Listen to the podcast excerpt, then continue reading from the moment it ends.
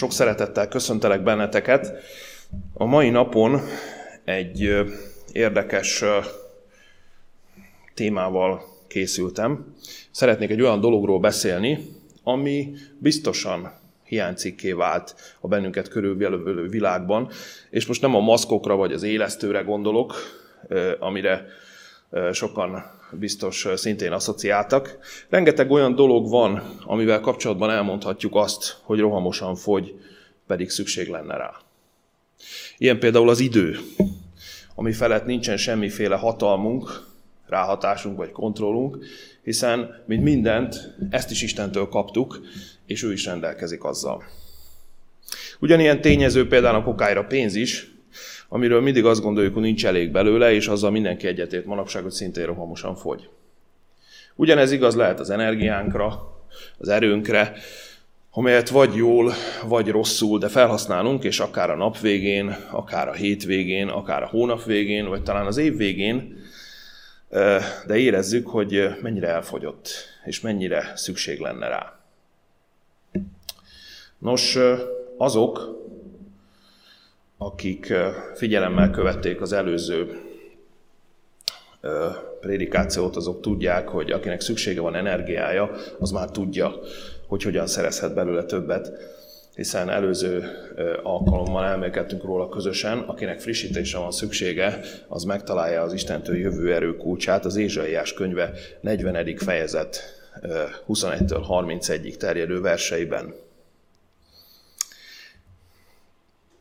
Van egy olyan dolog, ami hasonlít azokhoz a fogyóeszközökhöz, amelyek ezen a földön körbevesznek bennünket. Mert ezen a földön minden véges, és mindennel kapcsolatban ö, egyszer meg kell értenünk, hogy elfogy, elvész, elromlik, elhasználódik, véget ér, vége lesz valamilyen módon. Ez a dolog azonban, amiről ma délelőtt szeretnék beszélni veletek, csak abban különbözik az összes többi fogyasztó vagy fogyóeszköztől, amivel itt a Földön gazdálkodhatunk, hogy ez az egyetlen dolog talán, ami csak és kizárólag rajtunk múlik, és az Istennel való kapcsolatunkon, hogy mikor fogy el. Biztos vagyok abban, hogy már most sokaknak eszébe jut az a gondolat, hogy akármi is ez a dolog, mi magyarok szeretünk praktikusan gondolkodni, és azt mondani, hogy most, ha lehetne, akkor akármi is ez a dolog, biztos becserélném a pénzre. Hiszen milyen jó lenne, hogyha a pénz lenne az, amiről én eldönthetném, hogy mikor fogy el. Ma arról szeretnélek meggyőzni benneteket, hogy ez a dolog még a pénznél is sokkal jobb, sokkal értékesebb, és jóval többet is ér. Ez a dolog pedig nem más, mint a türelem. A türelem rózsát terem ahogy szoktuk mondani, van ez a magyar mondás, és mi sem voltunk kivételek, amikor itt idéztük. Még két héttel ezelőtt kerültem egy olyan helyzetbe, amikor azt voltam kénytelen beismerni magamnak, hogy az egyetlen dolog, ami most segíthet átvészelni ezt az időszakot, ami előttem áll, az a türelem. Ne gondoljátok, hogy szeretném ezt a fogalmat ö, Isten fölé helyezni hiszen ő az, aki mindenben az első, és nyilván, hogy elsősorban ezt a helyzetet, amiről most konkrétumok nélkül beszélek, valójában Isten fogja majd megoldani, és nem én. Amit viszont a magam részéről tehetek, és kell is, hogy tegyek, az megint csak nem más, mint a türelem. Esetemben az, hogy türelemmel várakozni. Érdekes volt, hogy volt egy ismerősöm, aki éppen aznap, gyakorlatilag pár órával az én döntésem előtt megosztott egy elmélkedést a Facebookon, ami éppen erről a témáról szólt. És amikor aztán én később olvastam, egy kicsit meg is erősített abban, hogy valószínűleg jó döntést hoztam. A bibliai idézet, amit ez az ismerősöm mellékelte ez az elmélkedéshez, egy nagyon jól ismert szakasz, és egy nagyon szemléletes kontraszton keresztül mutatja be a türelem előnyeit. Abban a helyzetben nagyon is inspirálólag hatott rám, és arra ösztönzött, hogy ebben a témában próbáljak meg jobban elmélyedni, és próbáljak meg tovább kutatni.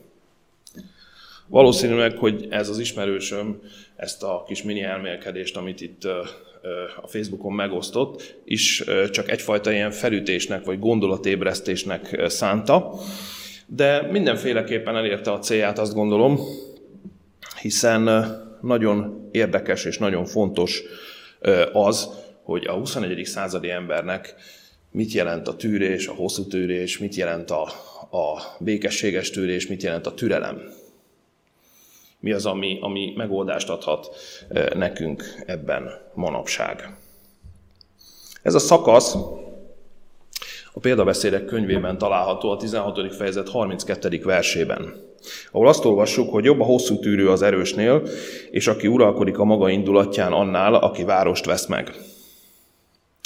Az ismerősöm külföldi, külföldön él, ő egy angol biblia fordítást használt, ami még annyiban tesz hozzá egy picit ehhez a szakaszhoz, és annyival teszi talán jobban kifejezőbbé, hogy ott az angol nyelv valahogy úgy fejezi ki ezt a részt, hogy sokkal jobb kontrollt gyakorolni magunkon, mint egy egész város felett. El is kezdtem hát tovább gondolkozni ezen, és azt próbáltam megvizsgálni, hogy mire jó a türelem, milyen a türelmes, milyen, milyen türelmesnek lenni, mennyi ideig tart a türelem, és mekkora értéke van.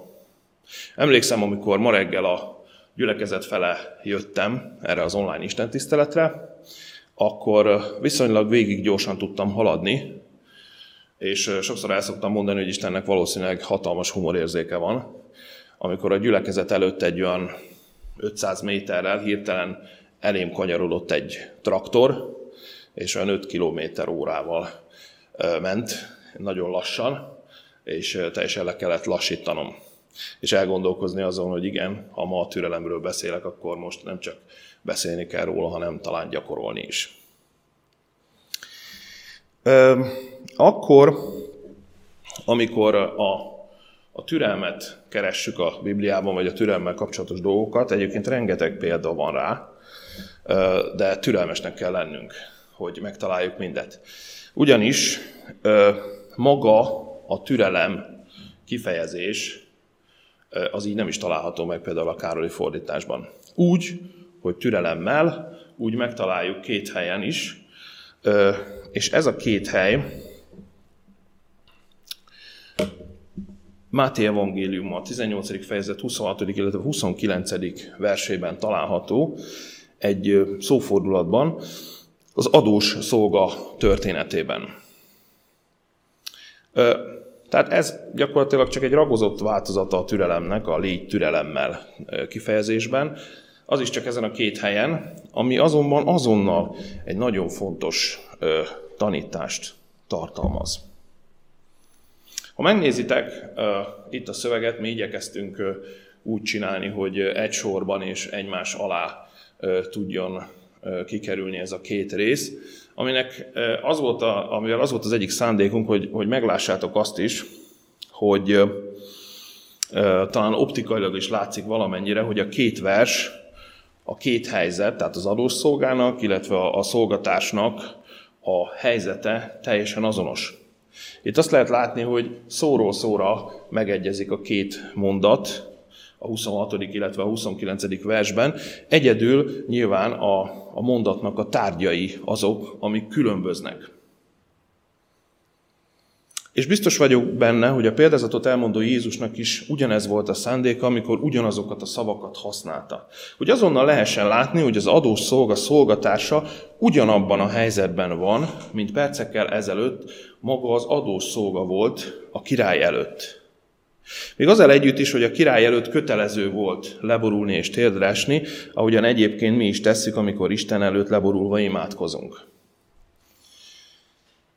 Mind a két esetben, mind a két szituációban valaki tartozott valakinek.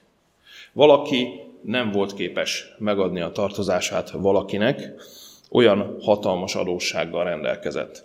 És az is természetes, hogy a király előtt, még ebben a helyzetben, mikor a királynak tartozunk, akkor, akkor leborulunk.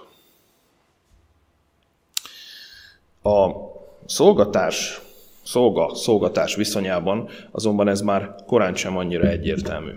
Elég, ha csak a jelenések könyvére gondolunk, amikor az angyal János apostol szolgatásként azonosítja önmagát, és még hozzá is teszi, hogy te az Istent imád. Mikor jelenések könyve 22. fejezet 9. versében az van, hogy meglásd, ne tedd, mert szolgatásod vagyok én néked, és a te atyád fiainak, profétának, és azoknak, akik megtartják a könyvnek beszédeit, az Istent imád.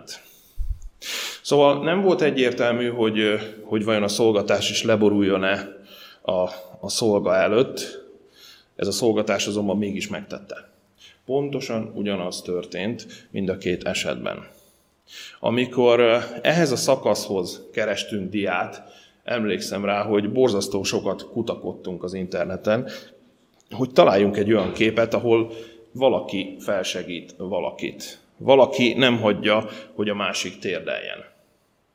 És ez az egyetlen kép, amit itt ezzel a két kisgyerekkel készítettünk. A kisfiú három éves, és, és éppen a születésnapja volt, amikor a, amikor a, a kishuga elesett, és ő azonnal segített, hogy, hogy újra talpra tudjon állni. Érdekes, hogy ilyen képet felnőttekkel egyszerűen nem találtunk, és, és ezért is tartottuk jónak ezt ide, ide tenni, mert ez mutatja talán a legjobban azt, hogy, hogy a, a gyermeki szeretet, a gyermeki tisztaság azonnal nem hagyja, hogy, hogy valaki térdre essen, még akkor se, hogyha ez nem feltétlenül hasonló helyzet. Tehát visszatérve magára a kérdésre, hogy, hogy hogyan is játszódott le ez a dolog, azt kell, hogy mondjam, hogy Mégis az, aki tartozott az adós szolgának, olyan mértékben megalázta magát, és ugyanúgy leborult, mint az adós szolga tette azt korábban a király előtt. Ő egyfajta indítatásból tehette ezt, de így pontosan az a kép tárulhat a példázatot szemlélők elé, ami pár perccel ezelőtt a királyi palotában az adós szolga esetében megtörtént. Senki nem mondhatja, hogy az adós szolga joggal gerjedt haragra, mert a szolgatársa még arra sem volt képes, hogy megalázkodjon előtte. Pontosan az történik, ami vele is megtörtént, és ahogy a dián is látható szóról szóra. De sajnos az adószolga pontosan az ellenkezőjét tette meg, mint amit vele tettek. Ameddig ő egy sokkal magasabb szinten kegyelmet kapott, sokkal nagyobb adósságért, és nem is, hogy, hogy, hogy légy türelemmel és visszafizetem, neked azt mondta volna a király, hogy jó, türelmes leszek és, és visszafizetem, hanem a király azt mondta, hogy jó, elengedem az összes adósságodat. Tehát egy sokkal magasabb szinten kegyelmet kapott ez a szolga, addig ő nem kegyelmezett a saját szintjén. Így aztán végül neki sem kegyelmeztek meg. Ez a példázat önmagában megérne egy külön elmélkedést, annyira sokrétű a benne rejlő tanítás.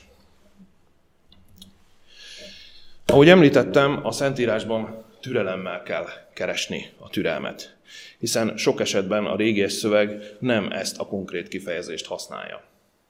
A türelem irodalmilag és gondolatilag egyik legszebb kifejeződését és megjelenési formáját például a Jeremiás Siralmai című könyvben a harmadik fejezet 26. versében találjuk, ahol azt olvassuk, hogy jó várni és megadással lenni az Úr szabadításáig.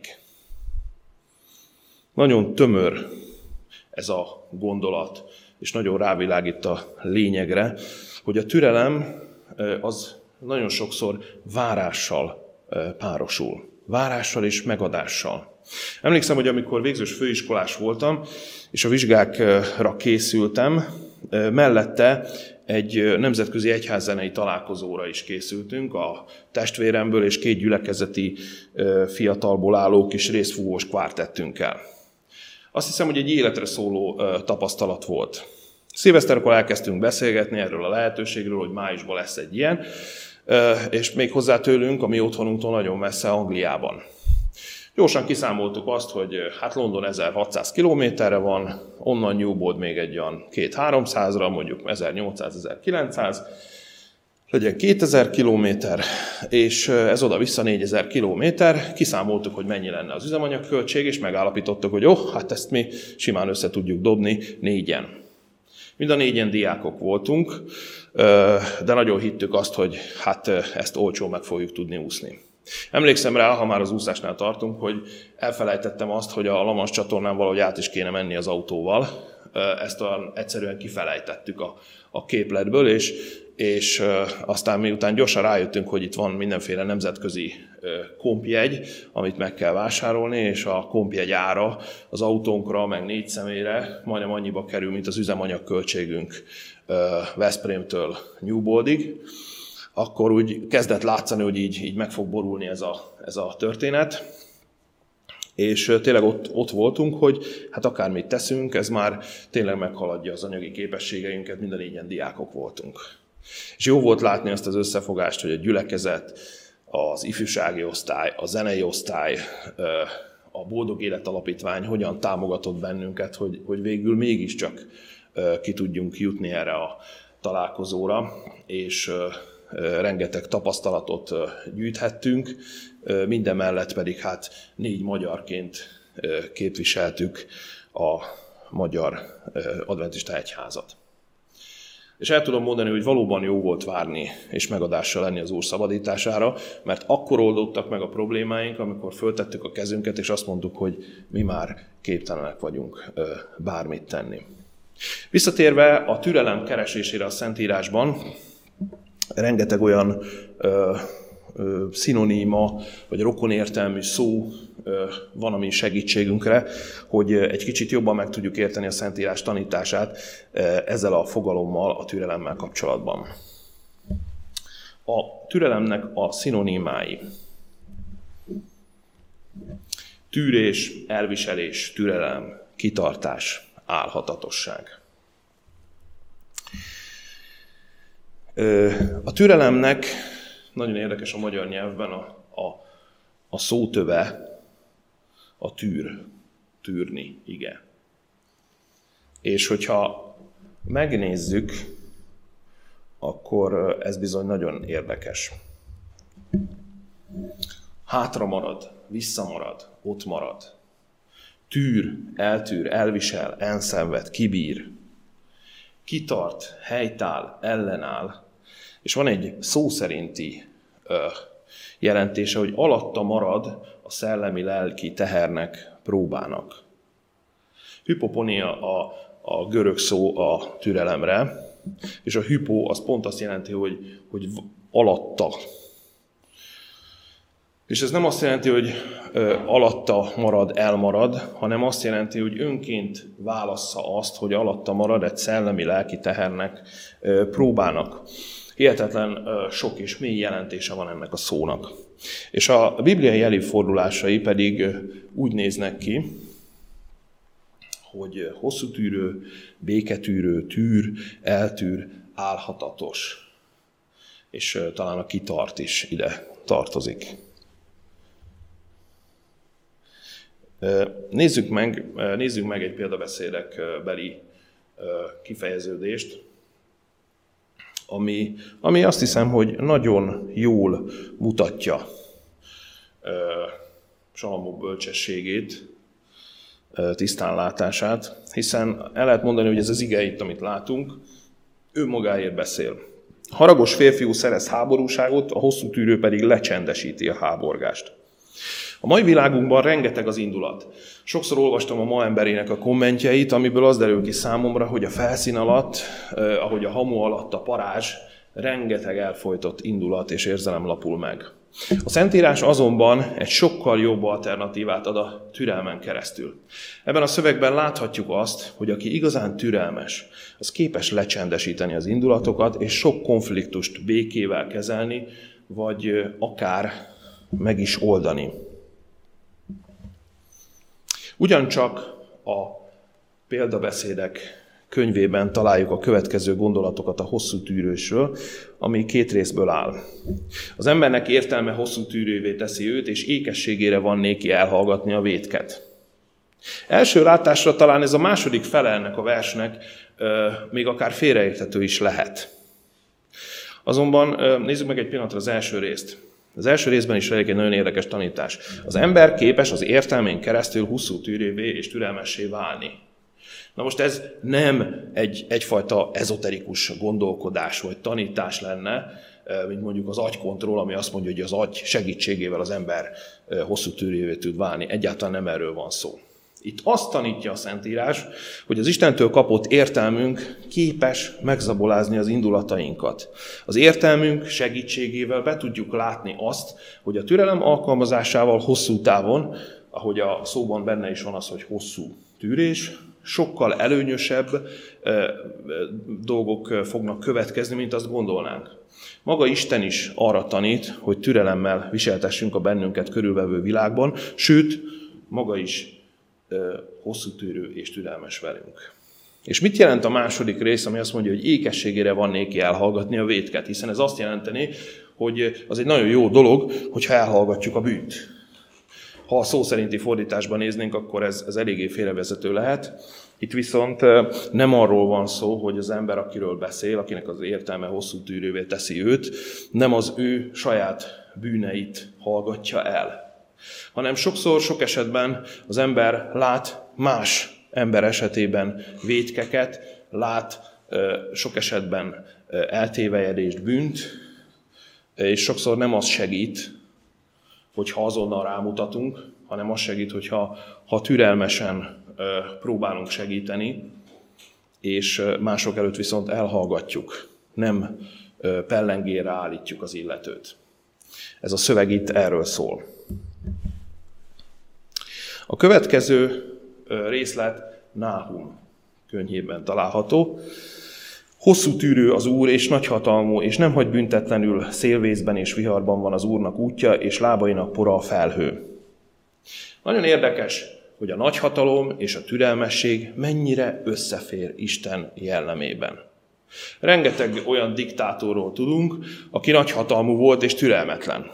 Azt hiszem, hogy ha valaki nagy hatalmat kapna és türelmetlen lenne, akkor az nagyon rossz lenne. Ugyanakkor Isten, akinek nagy hatalma van, sőt korlátlan hatalma van, ő az, aki mindenható, nem él vissza oly módon azzal a hatalmával, hogy türelmetlen is lenne. Ő türelmes. Sokan mondhatnánk persze azt, hogy Istennek könnyű dolga van a türelmességgel, hiszen számára az idő ugyan egy létező, de őt nem befolyásoló tényező. Isten, ahogy mindenben, minden felett áll, így az idő múlása felett is. És itt tehát jobban mondhatnánk azt, hogy Isten képes a végtelen türelemre, mint ahogy képes is rá. Viszont mi emberek sokszor vissza is élünk ezzel. Hány és hány példát tudunk mondani arra az életünkből, amikor igencsak próbára tettük Isten türelmét, és nem percekig, nem napokig, nem hetekig, nem hónapokig, hanem talán évekig vagy évtizedekig.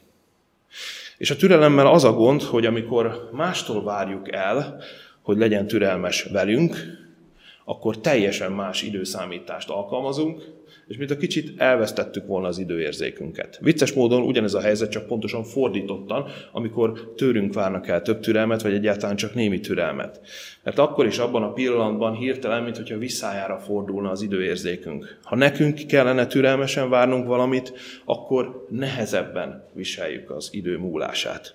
Ha azonban mások türelmét vesszük igénybe, akkor azt gondoljuk, hogy mennyire türelmetlenek velünk szemben, pedig lehetséges, hogy pontosan ugyanannyi ideig vártunk, mint várattunk.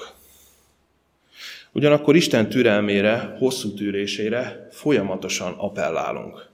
Egy ószövetségi példán keresztül ezt jól meg tudjuk figyelni, hogy milyen régóta is tesszük is ezt mi emberek.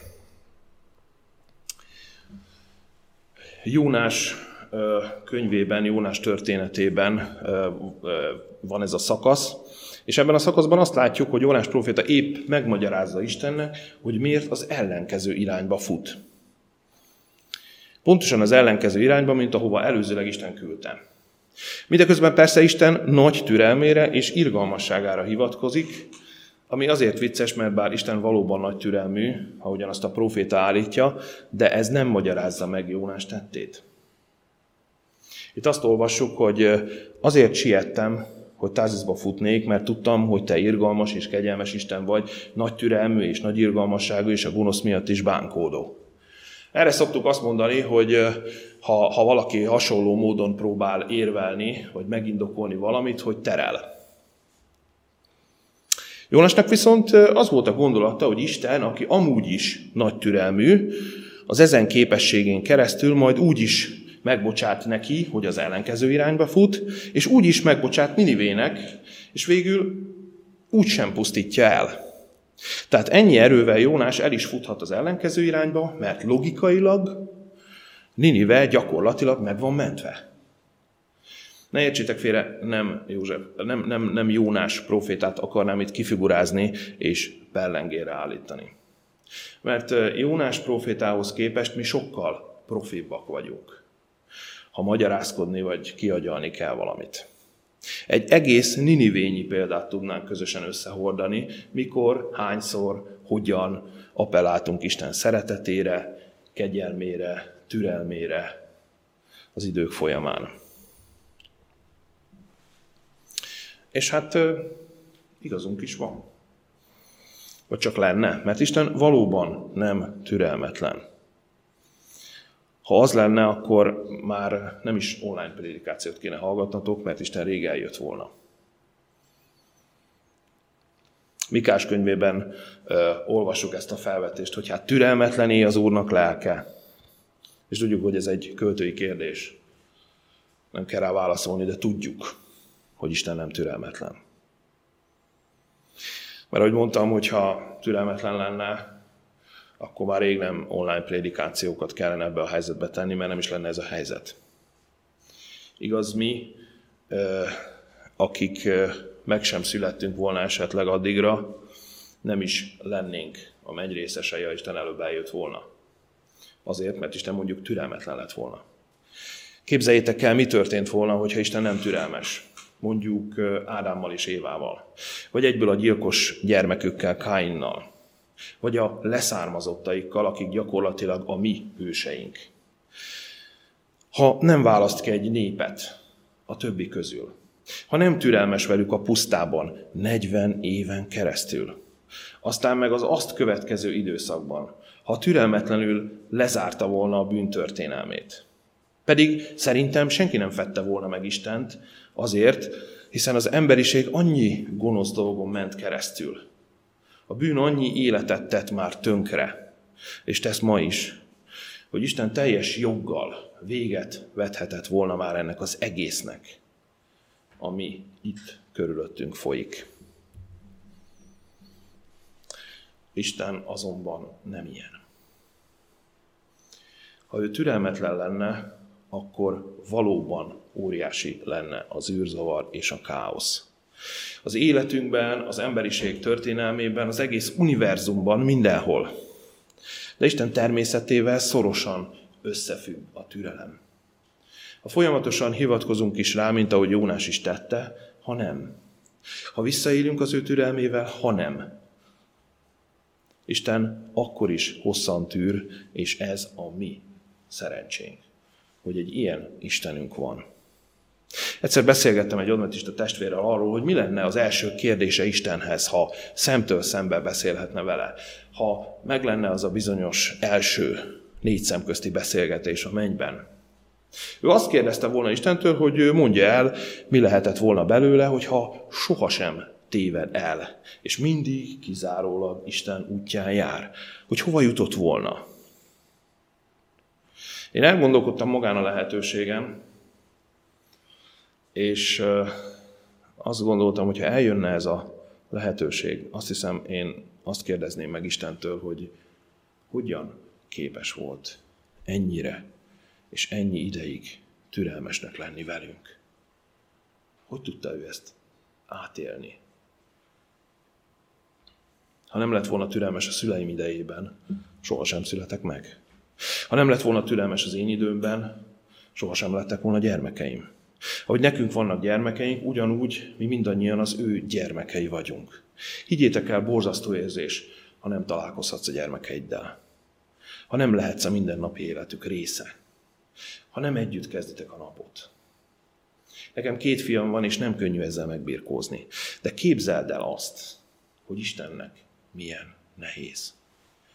Ahány ember él és élt ezen a földön, mindegyik teremtménye életének a része szeretne lenni. Gondolj bele, Gondolj bele Isten helyzetébe. Neki talán könnyű.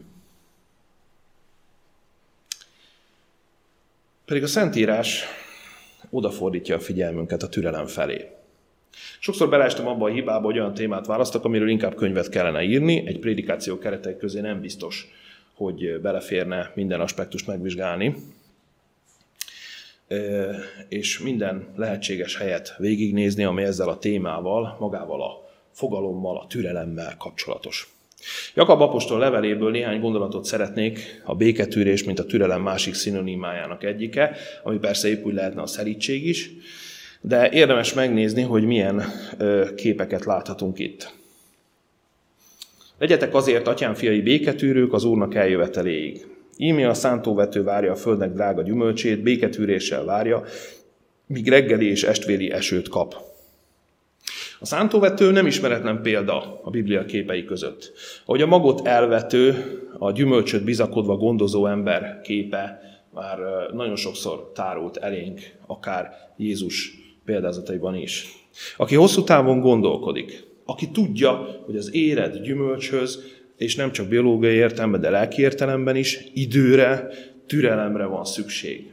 Az idő és a türelem összetartozó fogalmak épp úgy, mint a türelem és a szerítség, vagy a türelem és a hit. Hinni azt, hogy idővel az elvetett mag kihajt, a megtrágyázott, megmetszett gyümölcsfa virágba borul, és mindegyik megtermi majd, mindegyik virág megteremheti majd a maga termését, a maga gyümölcsét. Isten ugyanilyen ügyesen, vagy ugyanilyen türelmesen szemlél bennünket, hogy vajon mi megháláljuk-e azt a sok törődést, amit az évek során adott, és azt a sok odafigyelést, amivel körülvet bennünket. Isten azonban nem áll meg itt. Isten várja, hogy mi magunk is jó gyümölcsöt teremjünk.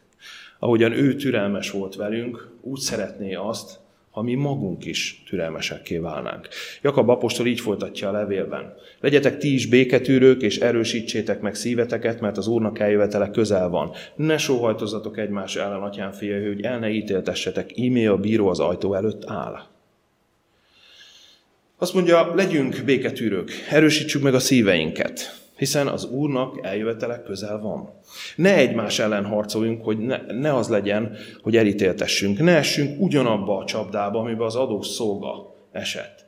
Aki nem vette észre, hogy ameddig sokkal több adósság ellenére türelemmel, kegyelemmel, megbocsátással bántak vele, addig sokkal kevesebbért börtönbe küldte az ő szolgatását. Ítélt, aztán ő is újabb ítélet alá esett. Azt hiszem, hogy a mi szemléletünk is nagyon sokat változna, ha ugyanabban, ha ugyanolyan magától értetődően tudnánk mondani egymásra, hogy szolgatásak vagyunk, ahogyan az angyal tette azt János apostollal. Ha tudnánk, hogy a bíró az ajtó előtt áll, ahogy itt olvastuk, azt hiszem kevésbé lennénk öntudatosak, és sokkal inkább szeridek és türelmesek, mint ahogy az ajtó előtt álló bíró is az saját maga. Sok példa van a Szentírásban a béketűrésről. Álhatatosságról, szerítségről, türelemről. Akik nehéz helyzetben álltak, és, és ö, ö, mégis helytáltak, és sohasem vesztették el a szemük elől a célt. Azt a célt, ami felé mindannyian haladunk. Ez a Jakabi levél itt megemlíti ö, Jóbot, akinek senkinek nem kell bemutatni. Jobb megpróbáltatott fizikai és lelki szenvedéseken keresztül Isten azonban megvédte őt, és újra felemelte őt. Elmondta róla, hogy senki sem beszélt olyan helyesen róla, mint ahogy azt Jobb tette, mert Jobb ismerte Istent. Nem csak a híres mondatán keresztül tudjuk ezt, amikor azt mondta, hogy tudom, hogy az én megváltom él.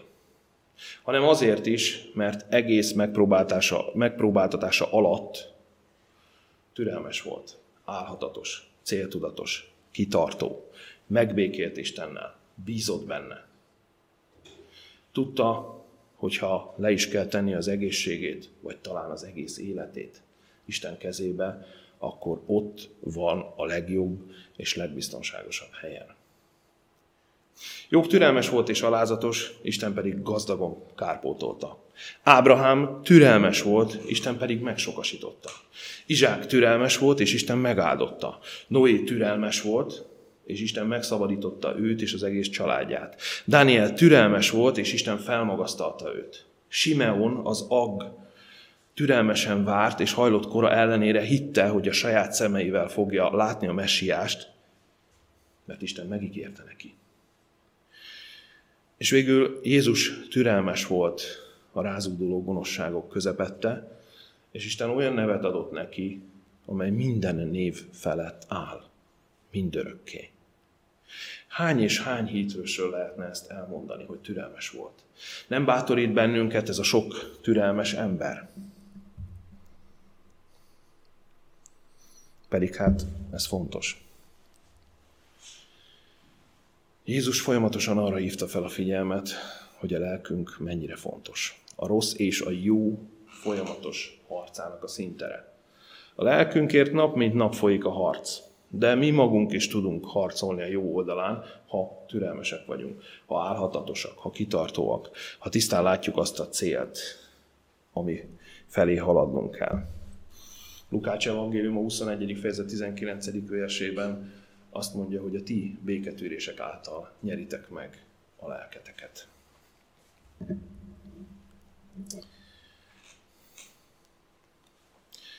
A következő gondolat Máté Evangélium a 16. fejezet 26. verséből való. Mert mit használ az embernek, ha az egész világot megnyeri, de az ő lelkében kárt val? Vagy micsoda válságot adhat az ember az ő lelkéért? Hasonlóan a kiindulási pontunkból, a példabeszédek 16. fejezet 32. versében olvasott igéhez, ez a gondolat szinte ugyanaz.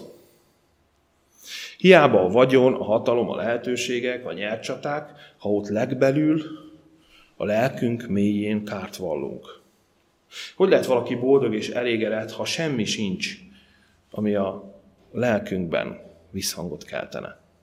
Az emberi lélek nem megvásárolható, vagy jó pénzért nem lehet kicserélni, ha tönkrement, ha egyszer összetört.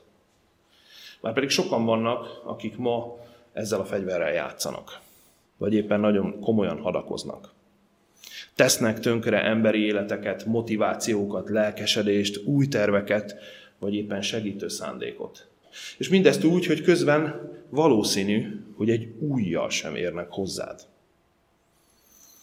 Volt egy szám, aminek az volt a refrénje, hogy mi csak a lelkedet akarjuk. Azonban a jó hír az, hogy van, aki jó szándékkal közelít felénk. Jó szándékkal gondol és tanácsol bennünket a lelkünkkel kapcsolatban. Aki gyógyítani és megóvni szeretné azt a törékeny valamit, ami meghatározza azt, akik vagyunk valójában. Jó volt az a kérdés attól az adventistától, aki azt mondta, hogy szeretné tudni, hogy mi lehetett volna belőle, hogyha mindvégig Isten akarata szerint jár. Mert biztos, hogy Isten nem csak belőle, de mindannyiunkból a lehető legjobbat akarja vagy akarta kihozni. Hogy tudatosan a tőle kapott értelmünket használva, felhasználva, éljünk mások áldására és Isten dicsőségére.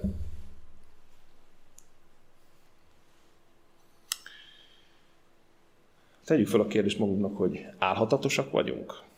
Mert ha megnézitek ezt a verset, akkor itt azt találjuk, hogy az álhatatosságon fordul meg minden. Hálát adunk az Istennek mindenkor, minnyájatokért, emlékezve rólatok, ami imádságban szüntelenül, emlegetve a ti hitetek munkáját, és a ti szeretetek fáradozását, és a mi Úrunk Jézus Krisztus felől való reménységeteknek álhatatosságát az Isten előtt, a mi atyánk előtt emiatt tud munkálkodni, emiatt az álhatatosság miatt tud munkálkodni a hit. Ezért tud, tudtak azok a keresztényekről, akikről itt az apostol beszél, szüntelenül fáradozni, mert a Jézus Krisztus felől való reménységének az álhatatossága, a Jézus Krisztus felől való reménységnek a késztetése egyfajta álhatatosságra késztette a tesszalonikai belekeket.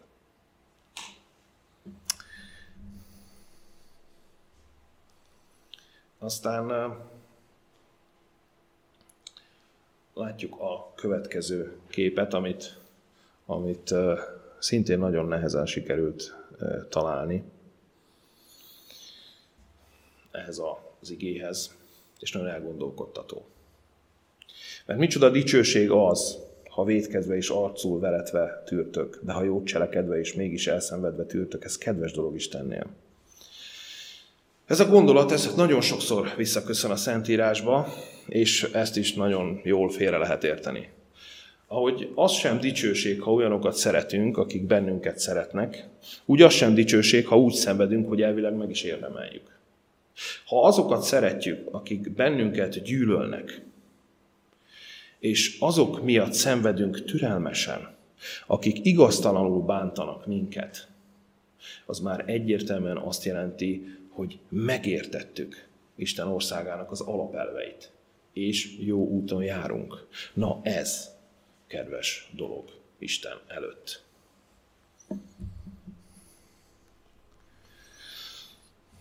Vannak sokan, akik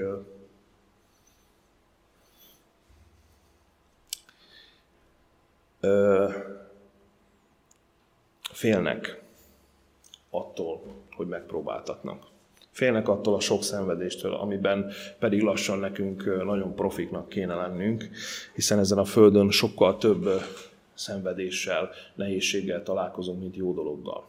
És ezen a földön nem lesz kevesebb a szenvedés és a veszteség. Ha valamikor, akkor azt hiszem 2020-ban ezt egyszer mindenkorra megtanultuk. Azonban a megpróbáltatások megtanítanak bennünket a türelemre, a türelemmel viselt nehéz idők pedig a kitartásra, ami olyan elemi szükségletünké fog válni, ami nélkül a végidőben nehezen állnánk meg. Előző alkalommal beszéltünk a jelenések könyvéről. És ugyanígy a végidővel kapcsolatban sokat kutakodunk. A gyülekezet ima csoportja szerdánként szokott közösen elmélkedni az utolsó napok eseményei című könyv alapján. Ugyanez az időhöz ad támpontot a jelenések könyve is, ami János Apostol Pátmos szigetén írt. Amikor előző alkalommal megemlítettük, akkor ugyanezt a diát készítettük elő, de akkor helyszűkében voltunk, és néhány gondolatot levettünk az első fejezet 9. verséből. Jelen állapotában azonban most látható a teljes vers, hiszen János bemutatásakor kihangsúlyozza azt is, hogy szenvedésben és tűrésben volt a szigeten. A jelenések könyvében Jézus megszólít gyülekezeteket, és érdekes, hogy itt is fontos szerep jut a tűrésnek, ami a, amit a gyülekezet tagjai türelemmel viseltek el. Öt ilyen helyet szeretnék végezetül áttekinteni veletek. Tudom a te dolgaidat, és a te fáradtságodat és tűrésedet, és hogy a gonoszokat nem szenvedheted, és megkísértetted azokat, akik apostoloknak mondják magukat, holott nem azok. És hazugoknak találtad őket, és terhet viseltél, és béketűrő vagy, és az én nevemért fáradoztál, és nem fáradtál el. A fenti szózatot az Efézusi gyülekezet felvigyázójához idézte Jézus. Itt megjelenik a tűrés, a teherviselés, a béketűrés és a fáradhatatlan buzgalom. A következő gondolat a Tiatírai gyülekezet részére íródott. Tudom a te dolgaidat, és szeretetedet, szolgálatodat, és hitedre, hitedet, és tűrésedet, és hogy, hogy a te utolsó cselekedeteid többek az elsőnél. Itt szintén megemlítésre kerül a türelem, a szeretet és a szolgálat, valamint az az érdekes gondolat, hogy az utóbbi, utolsó cselekedeteik többek az elsőnél.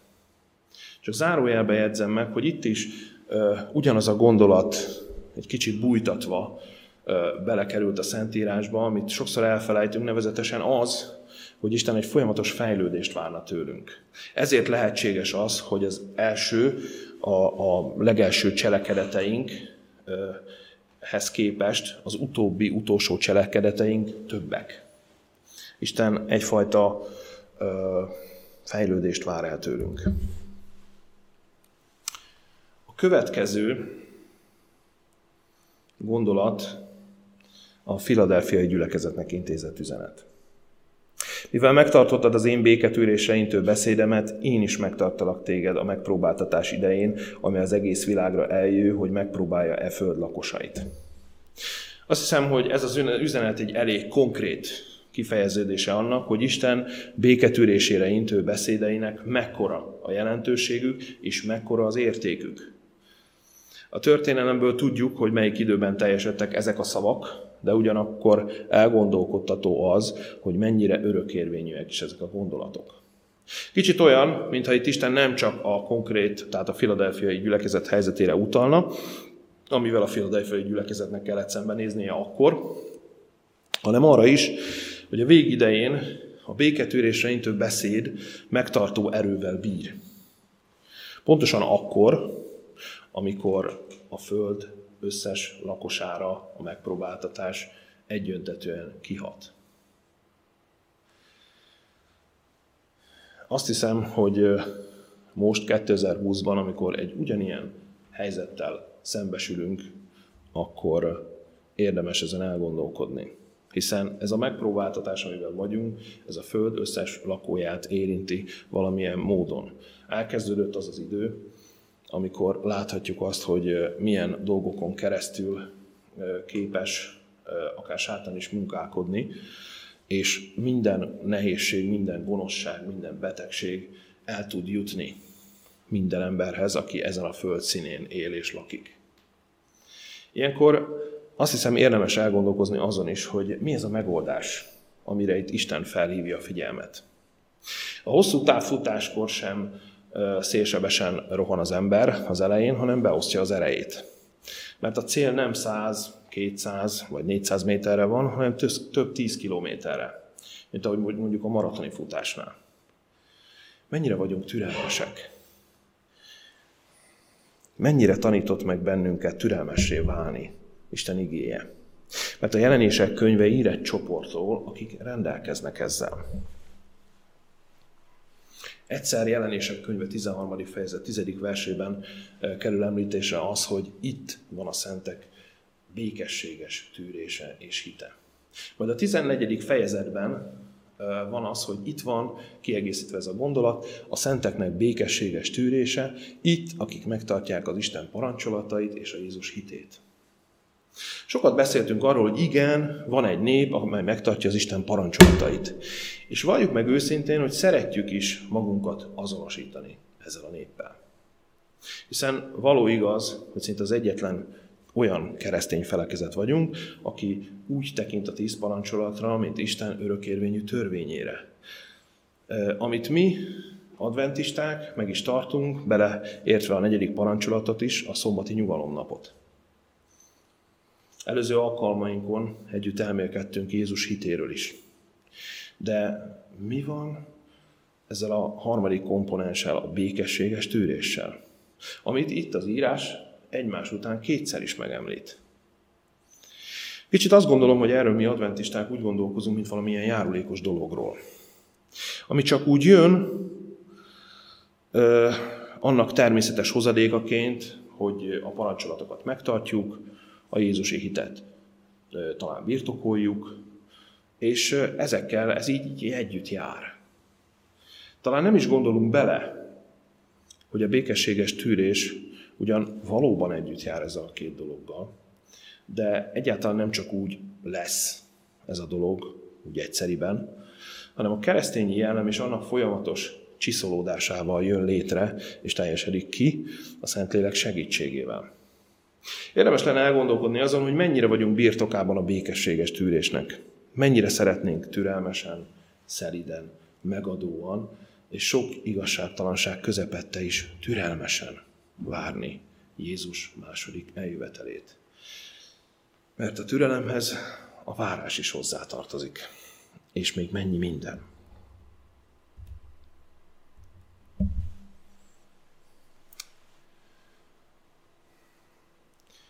Hogy ne legyetek restek, hanem követői azoknak, akik a hit és a békességes tűrés által öröklik az ígéreteket.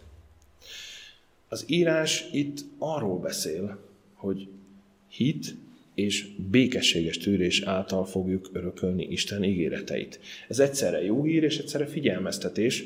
Vizsgáljuk meg, hogy mi rendelkezünk ezekkel. Hogy a prédikáció elején említettem nektek, azt szeretném elérni és bizonyítani, hogy a türelem többet jelent a pénznél. Nos, ez a szöveg aláhúzza ezt a tényt. Bizonyítja ezt a tényt. Mert Isten ígéretei pénzen nem megvehetőek. Hittel és türelemmel, békességes tűréssel azonban örökölhetjük Isten országát. Pálapostól fiaként szerette Timóteust. Az apostol nem feledkezett meg sok igazság mellett türelemre is megtanítani a tanítványát, ahogy itt olvassuk.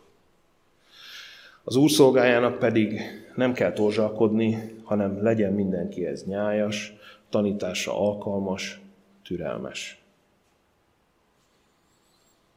És hogy Timóteus vajon megfogadta ezeket? Tanítvány volt?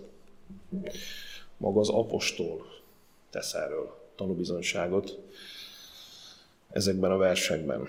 Timóteus Pálhoz hasonlóan biztos lehetett abban, hogy egész életében, szolgálatában, türelemmel és hosszú tűréssel végezte a feladatait, és minden olyan dolgát, amivel Isten megbízta.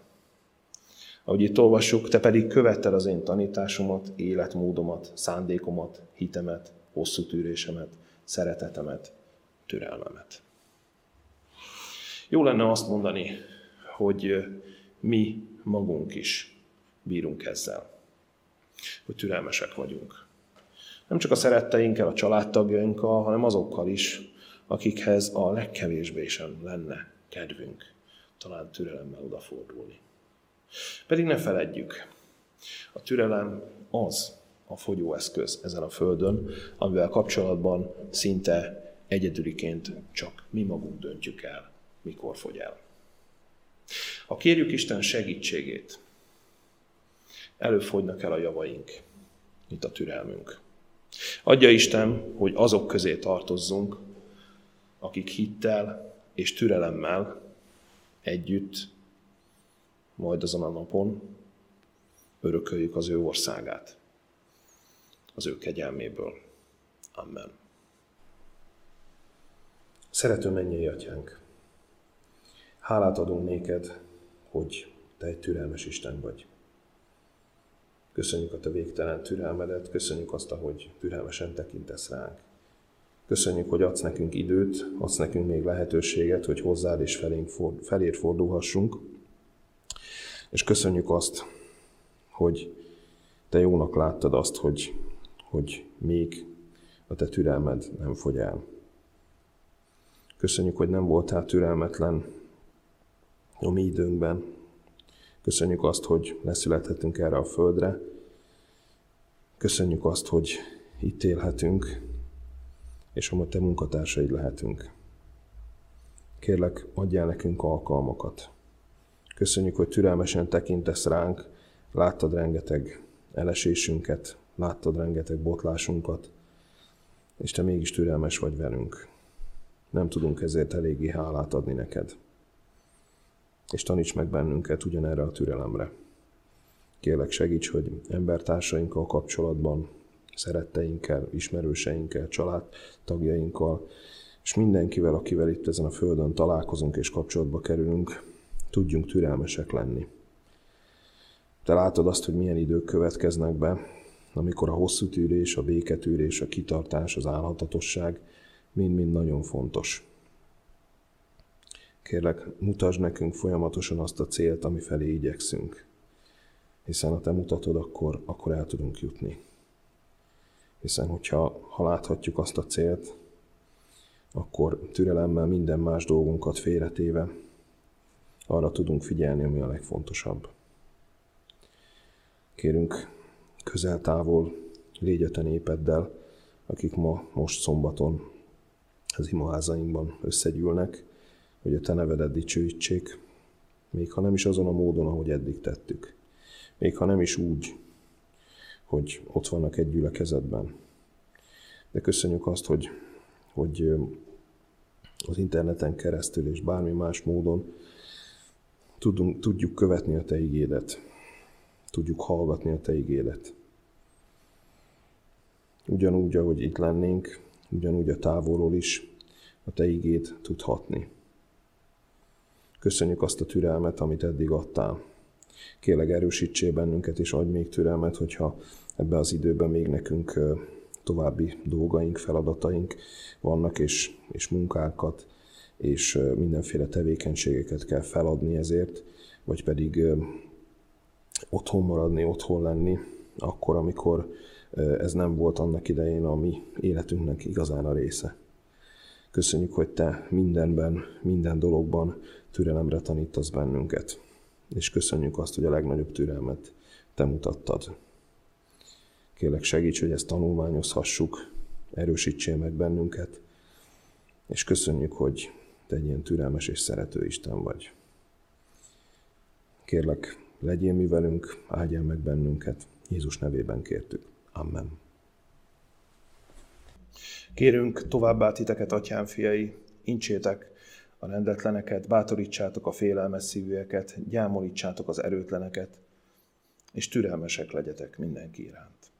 Amen.